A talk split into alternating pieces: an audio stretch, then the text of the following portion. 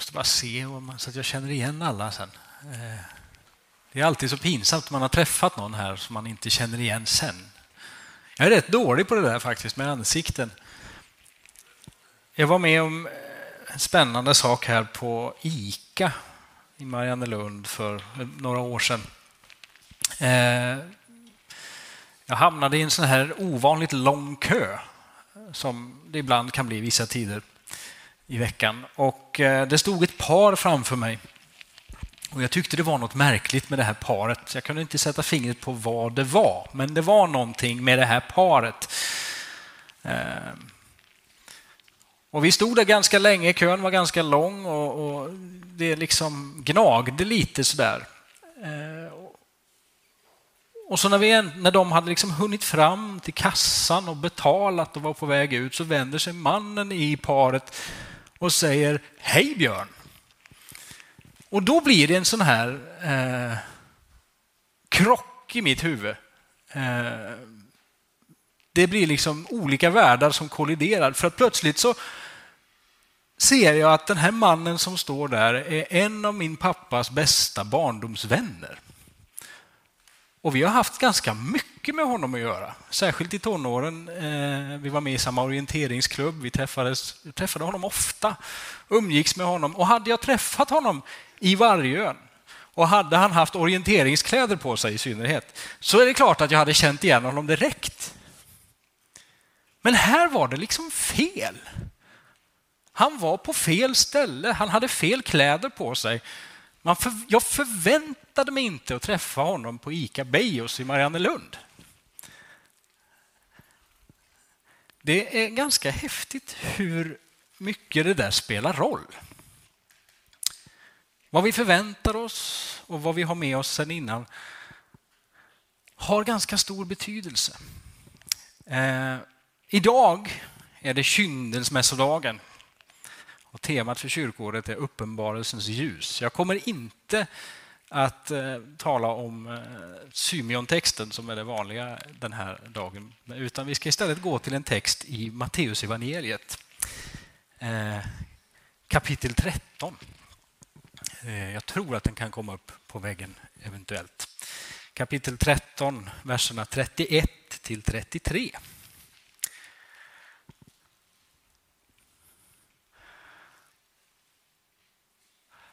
Där står det han, alltså Jesus, han lät dem höra en annan liknelse. Himmelriket är som ett senapskorn som en man sår i sin åker. Det är det minsta av alla frön, men när det har växt upp är det större än alla örter och blir till ett träd så att himlens fåglar kommer och bygger bo bland grenarna. Och han använder också en annan liknelse. Himmelriket är som en surdeg som en kvinna arbetar in i tre mått mjöl. Till slut blir allt, sammat, allt sammans syrat. Herre, vi ber att du ska möta oss i ditt ord idag. Att du ska göra det levande och verksamt i våra liv. Att du ska låta oss få äta av det och få dricka dricka av ditt levande vatten. Att du ska göra ditt verk i oss genom detta. Att det som vi inte vet ber vi att du ska lära oss. Det som vi inte har ber vi att du ska utrusta oss med. Och det som vi inte är ber vi att du ska forma oss till. I Jesu namn. Amen. Eh, när jag höll på och jobbade med det här tidigare i veckan så hade jag någon slags arbetsrubrik om, om eh, himmelriket som senap och surdeg. Men eh, jag insåg att det där är, det är inte alla som är så... Det ger inte så positiva associationer hos väldigt många. Eh, tänka att det bästa vi har att se fram emot är senap och surdeg. Men det finns någonting i det. Eh, den här texten är en del av en vad ska man säga, en samling av undervisning. Matteus evangeliet är ju lite speciellt på det sättet att liksom, eh, det mesta av Jesu undervisning i Matteus evangeliet är liksom sammanbuntat i olika pass. Vi har bergspredikan och vi har, det här kommer ifrån eh, det som kallas för liknelsetalet. Där Jesus sitter i en båt tillsammans med sina lärjungar och så står det en massa folk på stranden och så undervisar han dem från båten. Och då och då så ställer lärjungarna frågor och så svarar han på det och så ibland pratar han till lärjungarna, ibland pratar han till folket. Eller man kan säga så här, en tumregel är att han talar ibland till folket och alltid till sina lärjungar. kan man säga. Och så undervisar han dem om Guds, om himmelriket i några olika eh, liknelser. Och när man läser de här, alla liknelserna i Matteus evangeliets trettonde kapitel tillsammans så är det en ganska beklämmande läsning. Det är ganska jobbigt att läsa det där därför att man får en bild av himmelriket att det är visserligen tillgängligt för alla. Men alla tar inte emot det. Och alla ser det inte ens. Det verkar finnas någonting med detta rike som är dolt. Eh, om vi tittar på hur de olika liknelserna är uppställda så har vi till exempel liknelsen om sådden, han, mannen som går ut och sprider ordet om detta riket. Och då ser vi att det faller på en massa olika ställen. Men det är bara där den faller i den goda jorden som den faktiskt bär frukt, som den faktiskt eh, får växa. Vi har en liknelse om ogräset i åkern och en till sen på slutet om fiskar i, i ett nät som lite grann talar om att även alltså uppblandat i det egna folket så finns det de som inte har kunnat ta emot det här riket. Och han pratar om liknelsen om en skatt i en åker och pärlan som eh, visar på att för dem som, som finner det här riket eh, så kan det innebära att man får betala ett mycket högt pris för det, men det är det värt. Det är värt mer än allting annat. Men det finns också här en antydan om att det är någonting dolt. Det ligger begravt, det är gömt för många. Och så efter alla liknelserna så avslutas kapitlet med att Jesus bryter upp och går till sin hemstad för att undervisa där, bland, hemma bland sina vänner. Och de tar inte emot hans undervisning. Därför att de säger vi vet vem han är. Det här är för nära, det här är, var har han fått allt det här ifrån? Vem tror han att han är? Eh. Så det finns ett slags drag i det här liknelsetalet och i Jesu berättelse om himmelriket som antyder att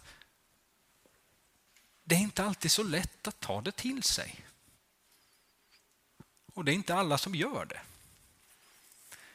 Och man kan undra hur det kan komma sig för att med facit i hand när man ser på det här så är liksom himmelrikets ankomst i människornas värld är kanske den mest revolutionerande händelsen i hela vår historia. Möjligtvis den största. Eh, och ändå beskriver Bibeln det som någonting som faktiskt är ganska lätt att missa. Och där kan man undra på vad som kan göra att vi missar det. Eh, jag tänkte jag ska bara peka på några saker. En möjlig anledning till att man kan gå förbi detta riket och inte se vad det är har att göra med förväntan. Om man inte förväntar sig att möta den här mannen på ICA Bejos i Mariannelund så kanske man inte känner igen honom fast man står och stirrar honom i nacken eller till och med i ansiktet. Eh. När Jesus talar, det här säger han till folket som står på stranden. Eh, det är ett folk som har en speciell förväntan. De har eh, hundra, hundratals år av förtryck bakom sig. De är förtryckta av en, ockuper, av en främmande makt så att säga, som har lagt på dem en massa saker med höga skatter och främmande lagar och det är religiöst och socialt och politiskt förtryck. De lever, det är förnedrande och ofta våldsamt. Och det har de levt med i generationer. Med en gnagande fråga om har Gud glömt sitt folk? Men de har ett löfte. De har ett hopp att hålla fast vid, att det kommer en förändring. Himmelriket, som Matteus evangeliet kallar det, Guds rike står det i de andra evangelierna, är någonting som man hoppas på och man har förväntningar på att detta kommer att ske för Gud har lovat det. Man har förväntningar om ett rike eh, eh, där Gud ska, han ska återupprätta sitt rike och han själv ska vara kung. Eh, det finns löften om ett fredsrike och för väldigt många så det såg naturligtvis lite olika ut hur man såg det här, men för väldigt många så, så tror jag att man, man, kan tänka sig att man förväntade sig någonting som liknade eh, konung Salomos dagar. När det var fred i området, när eh, templet, när Herren var i sitt heliga tempel och, och eh, landet blomstrade. Fast ännu större. Där nu alla folk över hela jorden skulle, Eh, skulle se Guds herravälde och tillbe honom. Och det skulle vara fred och frihet. Man skulle få upprättelse och befrielse. Och som sagt, det fanns olika idéer om hur det här skulle hända. Det fanns de som eh, ville eh, som en, en, stark strömning var att man ville liksom dra sig undan samhället, leva så enkelt och fromt som möjligt och vänta på att Gud skulle gripa in. Eh, som Essena eh, tänkte. Det fanns en stark strömning som, som bland Saddukéerna till exempel som snarare försökte ta få så mycket politisk makt som möjligt och påverka samhället inifrån och hoppas att Gud skulle bekräfta det. Eh, det fanns en stark grupp som var betydligt mindre men, men ändå gjorde mycket väsen av sig som snarare ville gå den radikala linjen och med, med vapen göra revolt så att säga och ta landet med våld. Eh, så man hade olika idéer om det men gemensamt är ändå att man förväntade sig en total samhällsförändring. Någonting stort och explosivt. Och man tänkte att det skulle hända på en gång, mer eller mindre. En sån här viktig fras i de här löftena är Herrens dag. På den dagen, säger Herren och så vidare. Eh, så man tänkte sig nog väldigt mycket att det här skulle antingen ske eller åtminstone kulminera på en enda dag. Stort och snabbt. Och så kommer då Jesus och står i sin guppande båt och berättar en annan bild om himmelriket. Där han säger att himmelriket är som ett litet korn som växer under marken. Det är som en liten, liten bit deg. Alltså, Jesus pratar otroligt vardagligt, otroligt enkelt och han pratar om så små oansenliga saker. Och Han beskriver det här på ett helt annat sätt, ett sätt som inte alls stämde med förväntan. Han pratar om eh, om förväntan var en explosiv samhällsomvandling så pratar Jesus om de små sakerna som får väldigt stora konsekvenser. Om det skulle ske över en natt så pratar Jesus om någonting långsamt men obevekligt. Alltså någonting som växer i det fördolda men som inte kan stoppas. Man kan förstå att de som lyssnade till Jesus utifrån de förväntningar som fanns kunde ha lite svårt att hänga med i vad det var han sa. Men jag undrar om vi egentligen skulle ha mycket lättare idag. Alltså vi lever i en tid och i en kultur där det som inte händer nu har inte en chans. Det kommer att bara drunkna i allting annat som hela tiden växer fram Saker och ting är ju ute innan de ens har hunnit komma in.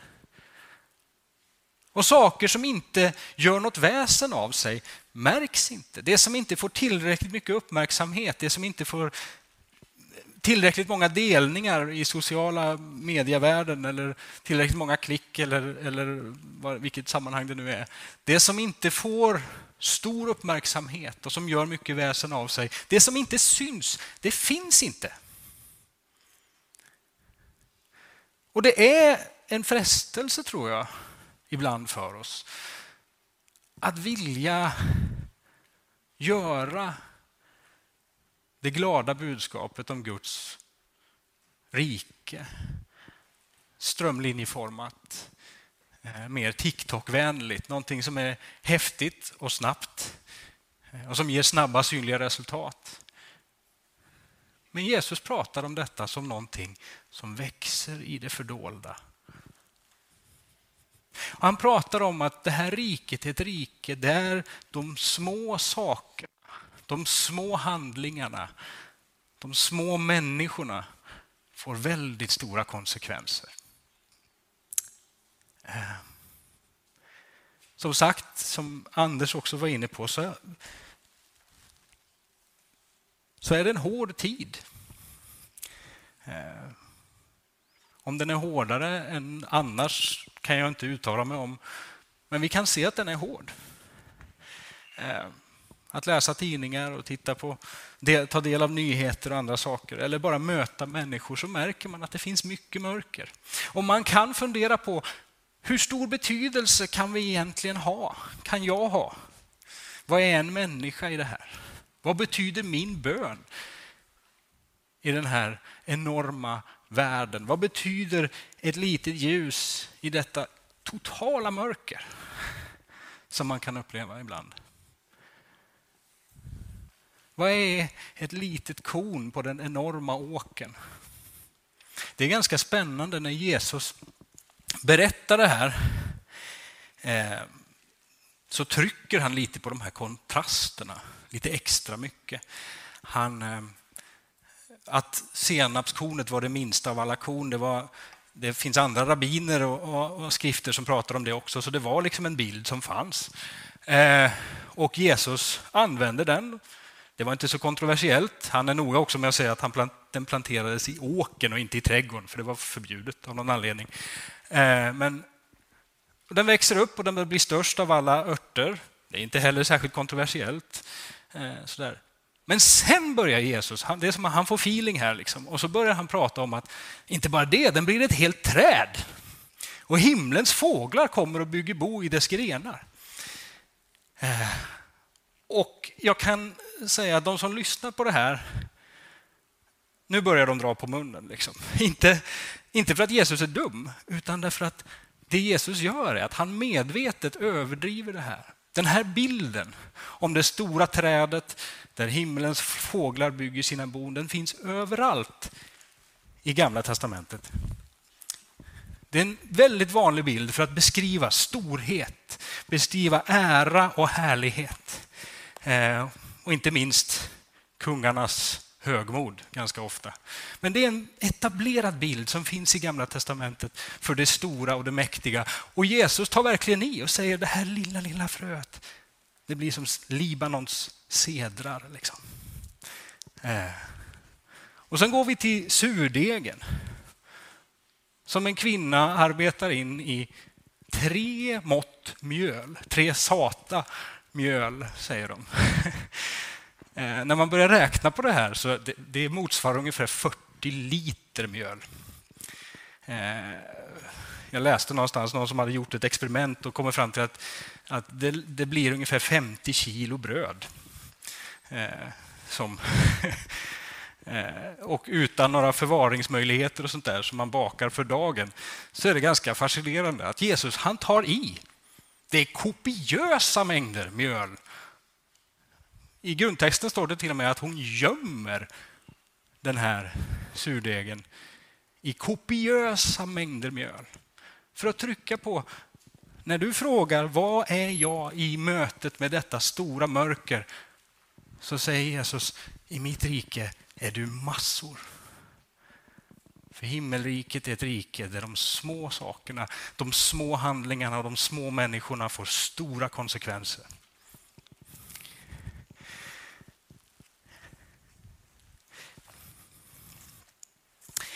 Sen finns det ju, förutom detta med kontrasten mellan det explosiva och det lilla och tidsaspekten, det långsamma, tålmodiga, eh, så finns det en sak till som kan göra det här riket lite svårt att känna igen. Till och med för de som hittar det.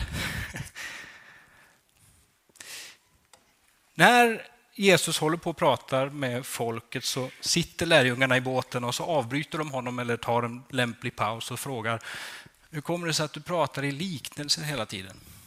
Varför, varför berättar du berättelser? Ehm. och Jesus svarar dem att ni har fått gåvan att lära känna himmelrikets hemligheter. Men det har inte de andra. Och i Markus evangeliet så, så, går det ännu längre, vi kan ta det sen. Men han, han, eh, han säger helt enkelt, ni har fått någonting som de andra inte har. Han säger, ni har fått lära känna någonting som de andra inte har. Eh, epistemologi, läran om kunskap och hur kunskap förmedlas. Eh, en ganska viktig sak att känna till. Så inte ordet, men, men det är roligt att säga det ifall man spelar alfabet. Eh, men man kan säga det att vad är kunskap och vad grundar den sig på? Det är det som epistemologin sysslar med. Och inom den kristna tron, delvis kanske med början hos Paulus, eller väldigt tydligt närvarande hos Paulus, så finns det en tydlig epistemologi. Det finns en lära om vad kunskap är. Och för Paulus så är den helt och hållet centrerat till Jesus Kristus. Eh, dogmatiken bygger på att all kunskap om Gud måste bygga på uppenbarelse. Därför Gud är någonting annat än vi. Och all uppenbarelse måste vara Guds självuppenbarelse. Eftersom han är så annorlunda så kan vi inte förstå honom utan han måste uppenbara sig för oss. Och ingenstans är Guds självuppenbarelse så tydlig och så total som i Jesus Kristus. Så Paulus, han säger helt enkelt i Kolosserbrevet, vi ska se om det kommer fram, eh, att i honom finns vishetens och kunskapens alla skatter gömda. Lärjungarna har fått lära känna Guds rikes hemlighet. Och Guds rikes hemlighet är ingen annan än Jesus själv. Så när, lärjung, när lärjungarna lyssnar till honom undervisa om riket så hör de den som de har lärt känna. Som de vet vem det är. Men det gör inte folket. Och det som eh, Markus evangeliet skriver, han säger att ni har fått lära känna detta, men för dem som är utanför så är det bara liknelser. De hör bara liknelser. Alltså, vi kan gå till Jesus i, eller läsa i vår bibel om det som Jesus undervisar. Men om vi gör det utan att ta hänsyn till vem han är, utan att lära känna honom som talar, så blir det bara liknelser. Vi kan ta med oss lite moralisk undervisning, men vi kommer aldrig att förstå vad han talar om. Riket som han presenterar är dolt. Och det stora med detta, det är att den himmelrikets hemlighet eh, Den är liksom inte dold i sin natur. I honom, han kom oss till mötes för att uppenbara, för att visa. Precis som när den här mannen på Ica vände sig om. Jag kände igen honom därför att han sa mitt namn. Jag tror att det är viktigt att liksom, vi, vi får inte hamna i att vi tänker att vi har förstått någonting som ingen annan har förstått och därför är vi lite bättre. Vi har fått gåvan att lära känna himmelrikets hemligheter därför att himmelrikets hemlighet har hälsat oss. Kommit oss till mötes och sagt sitt namn. Ehm. Och vem är det då som står framför dem? Vem är denna Jesus som är tolkningsnyckeln för detta? Vad är det som, när han talar om senapskornet som blir ett träd för himmelens fåglar, vad är det med den här surdegen? Den som talar är den som säger Kom till mig, alla ni som är tyngda av bördor. Jag ska skänka er vila. Det är han som säger Jag är livets bröd. Han som har kommit för att vara ett bröd för världens hunger. Det är han som slutligen ger sitt liv på ett kors. Jag tror att det är väldigt frestande när man jobbar med en del av Jesu liknelser, de som inte får en tydlig förklaring, eh, att de är, det är möjligt att läsa in både det ena och det andra i dem. De är väldigt öppna för, för tolkning. Man kan ladda dem med både, ja, egentligen vad man vill. Och den här berättelsen är ju väldigt eh, tacksam. För läser man den utan att ta hänsyn till vem Jesus är, vem det är som talar. Om man inte läser den utifrån honom som kom för att ge vila åt dem som är tyngda, för att ge bröd åt världens hunger. Om man inte läser det genom korset, då kan man se det här som en framgångssaga vilken som helst. Det låter precis som den amerikanska drömmen. Man börjar med två tomma händer och jobbar hårt och bygger upp ett stort affärsimperium.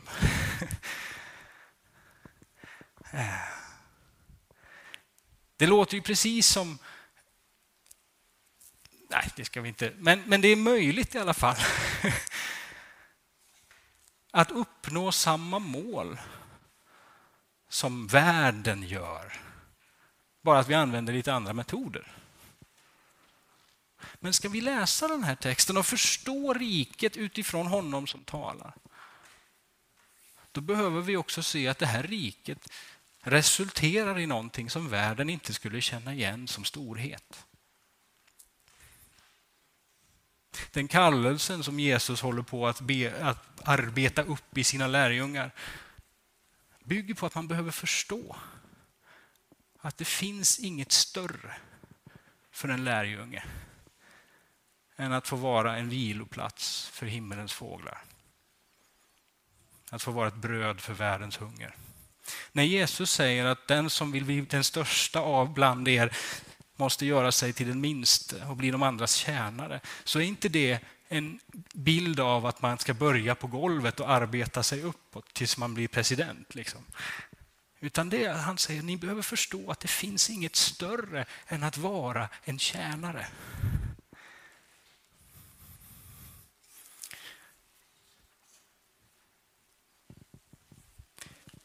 Att lära känna Guds rikes hemlighet handlar om att låta sig formas av honom som talar. Så att jag ser storheten i att få vara just en viloplats för himlens fåglar och ett bröd för världens hunger. Igår talade Emil om, eh, det var ju liksom andra andra delen här av eh, talet om tidens slut och Jesu återkomst. Och, eh, och eh, det var skönt med liksom en avslutning, en påminnelse om att det här, det här är en, ett levande hopp inom oss. Vi väntar på att Jesus ska komma tillbaka. Att vi säger, när Jesus säger att himmelriket är nära. Jag vet att jag blev väldigt nervös när jag var ung och började läsa Matteus evangeliet för jag tyckte att himlen och Guds rike var två olika saker och nu blev jag, blev jag liksom frustrerad. Eh, det där kan vi diskutera någon gång. Men eh, är Guds rike det som har kommit och himlen olika saker? Ja och nej. Det är inget annat. Därför att himmelriket, himlen, är honom. Han har kommit och därför har himlen kommit. Han är hos oss, därför är himlen hos oss. Men vi tror också på en fullbordan. Min morfar brukade säga att eh, himlens frukter, som han menar är de samma som andens frukter, växer redan nu, men mognar först då. Och när de mognar så blir de himlen. Eh, det var en parentes, men, eh, men det finns någonting i detta som är planterat. Det finns ett hopp som gör att vi troende kristna människor eh, kan uppfattas som lite naiva och, och onödigt optimistiska. Därför att vad som än händer i den här världen så vet vi, hur mörkt det än verkar och hur hårt det än verkar, så vet vi att under den hårda jorden så gror ett frö. Det är planterat och det växer obevekligt. Det finns en deg som jäser som håller på att in, liksom, eh, impregnera hela världen. Och det pågår. Hur stor mängden mjöl än verkar vara. Men vi vet också att han kommer åter. Vi vet att det kommer en dag när det är färdigt, när vårt arbete är gjort. Men till den dagen så har vi ett arbete att göra. Det är därför Jesus talar till sina lärjungar. Han talar ibland till folket, men alltid till sina lärjungar. Han säger det kommer en dag när detta är fullbordat. Tills dess så säger han som kom för att ge vila åt de tyngda och bröd åt de hungrande för att ge sitt liv för världen så säger han som Fadern har sänt mig sänder jag er.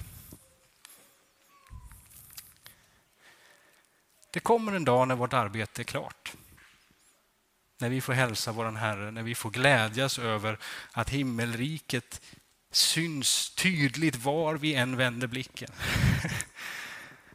Tills dess är vi kallade att vara en viloplats för världens vilsna fåglar. Att vara ett bröd för världens hunger. Att vara hans kropp, bruten och utgiven i kärlek. Och det är ett uppdrag att vara stolta över, att ha glädje i. För, därför att för en Jesu tjänare finns inget större än att vara en tjänare. För Jesu lärjungar finns inget större än att vara en viloplats för fåglarna och ett bröd för världens hunger. Vi ber tillsammans.